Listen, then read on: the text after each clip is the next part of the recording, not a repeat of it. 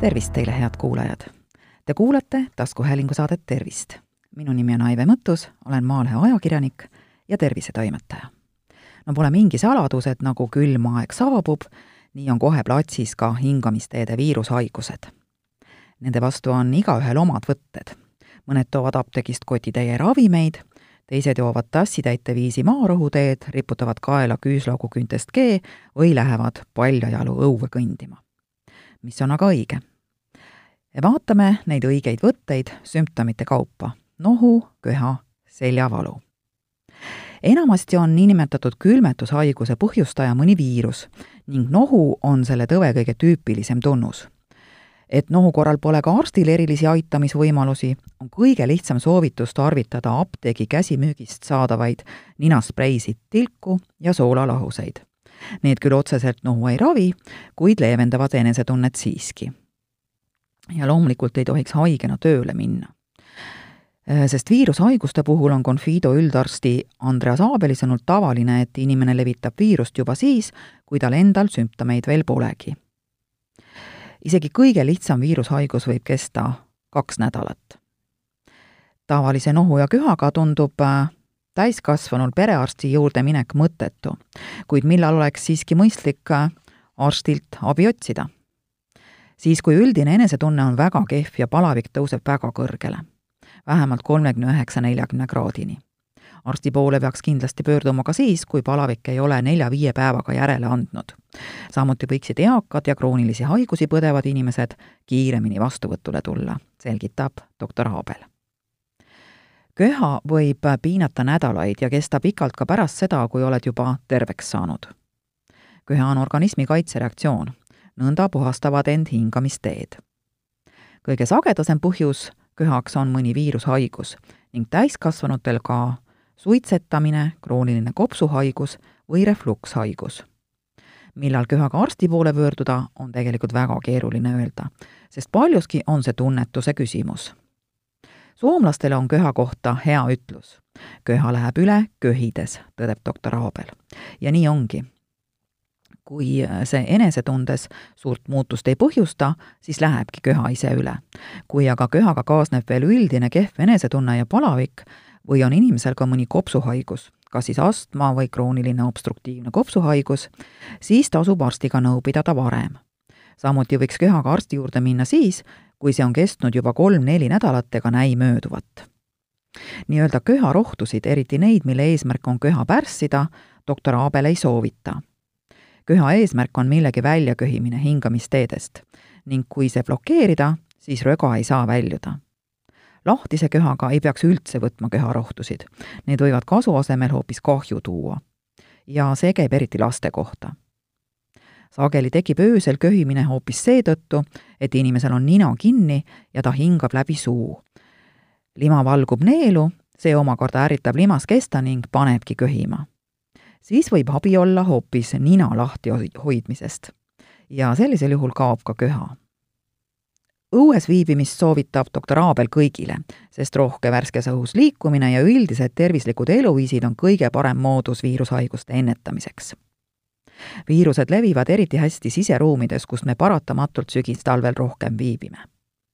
lisaks on oluline tihti käsi pesta ja õigesti aevastada, mitte pihku, vaid varrukasse samas kui keegi peres on juba viiruse külge korjanud, on selle levikut teistele pereliikmetele üsna võimatu takistada.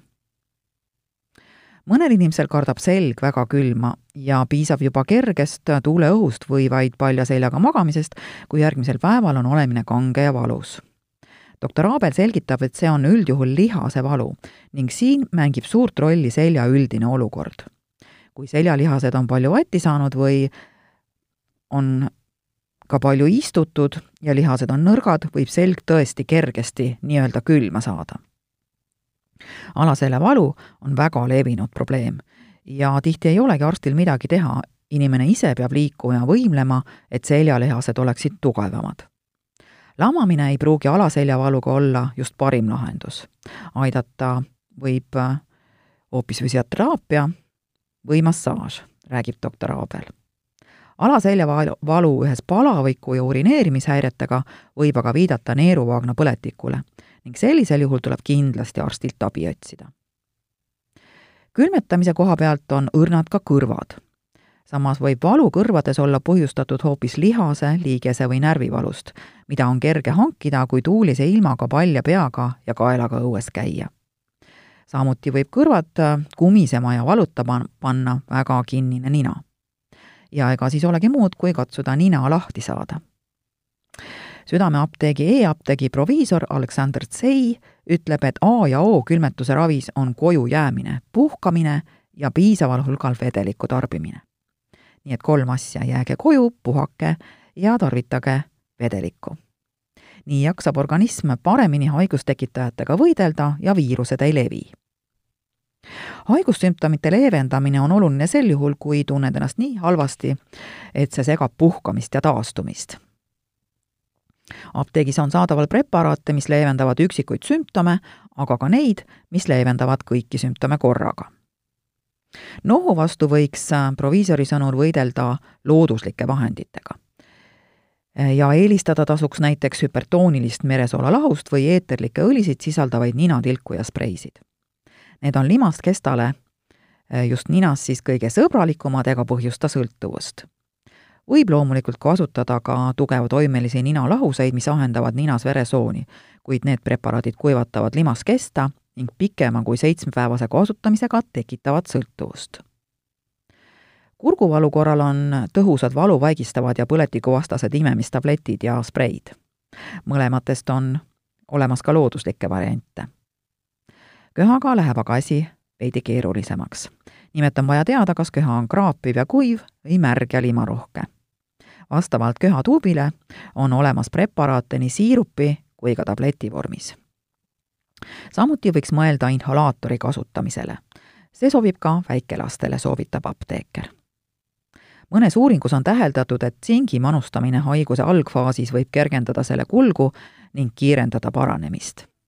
Tsingi preparaate leidub apteegis tableti, imemistableti või sprei kujul samuti on võimalik soetada komplekspreparaate, mis peale tsingi sisaldavad näiteks seleeni, C-vitamiini ning looduslikke immuunsüsteemi turgutavaid ekstrakte. samas lisab SEI, et tsink ei ole siiski mingi imerohi ja ega need teised ka mitte. Need ained on vajalikud immuunsüsteemi normaalseks töötamiseks. kui esineb tsingipuudus, on, on immuunsus nõrgem samuti paranevad siis haavad aeglasemalt, esinevad isutus, kaalukadu ja keskendumisraskused üldjuhul aga saab inimene vajaliku koguse tsinki koos toiduga. Aleksander Sei sõnul on küll üks asi, mida peaks Eestis juurde võtma ja see on D-vitamiin. ülioluline on seda võtta inimestel, kellel on kas selle puudus või näitaja on piiripealne. Kõige kriitilisemad grupid on rasedad, lapsed ja vanurid. D-vitamiini põhiülesanne on hoida luud tervena, kuid sel on organismis ka muid rolle, sealhulgas immuunsüsteemi normaalse funktsiooni toetamine, räägib Sei. kui tunned, et haigestud tihedamini, oled pidevalt väsinud ning meeleolu on halb, siis kindlasti peaksid sellest arstile rääkima. kui palju D-vitamiini võtta, aitab otsustada apteeker või arst sõltuvalt mõõtmise tulemusest. Mida teha aga külma saanud seljaga? leevenduseks sobivad nii seespidised valuvaigistid kui ka pealemääritavad kreemid või keelid, mis on kas soojendava efektiga või sisaldavad valu vaigistavat toimeainet. soojendavad kreemid või keelid ergutavad valulikus kohas verevarustust ning nii on paranemine kiirem. seljale ei tohiks anda suurt koormust, kuid ka voodis lamamine ei ole hea. eelistada võiks ujumist, kõndimist ja lihtsaid venitusharjutusi muidugi tuleb valida ka ilmale vastav riietus, et selg külma ei saaks ning samas keha ei higistaks.